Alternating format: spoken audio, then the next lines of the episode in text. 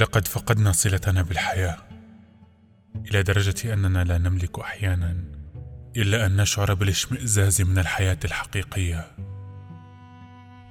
ولهذا فإننا نغضب حين يذكرنا الناس بذلك.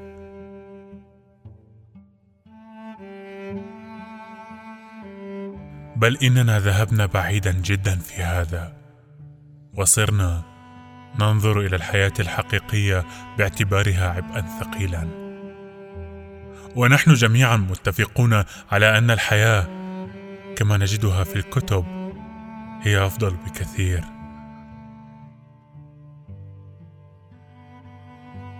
ولماذا نحدث كل هذه الضجة في بعض الأحيان؟ لماذا نخدع أنفسنا؟ ماذا نريد إننا أنفسنا لا نعرف ذلك.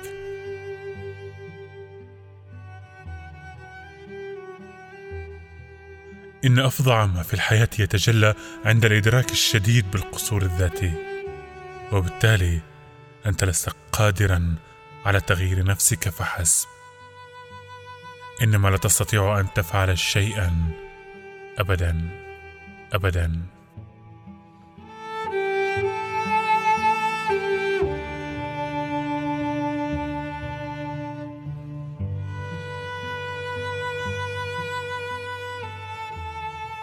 كان من الصعب علي أن أجلس مكتوف اليدين.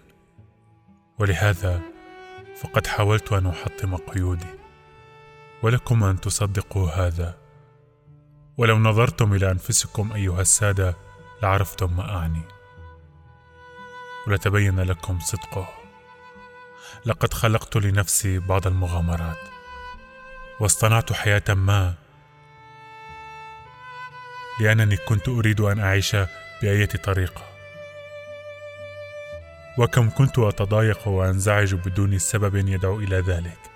وكنت اصطنع ذلك اصطناعا عالما بأنه لا وجود لذلك الضيق في الواقع وبأنني أخلقه لنفسي خلقا.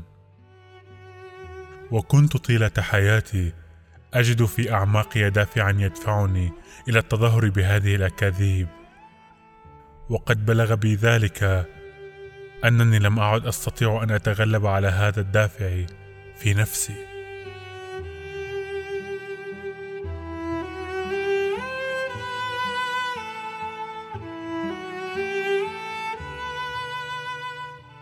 إن الذكي لا يمكنه أن يكون شيئا خطيرا وإن الأحمق وحده هو الذي يمكنه أن يكون أي شيء.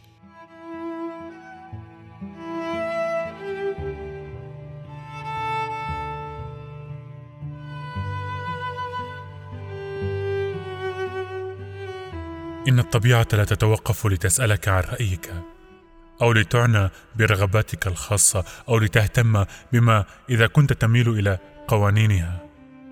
وبالتالي عليك فقط أن تتقبل الطبيعة كما هي ولذلك عليك أن تتقبل نتائجها.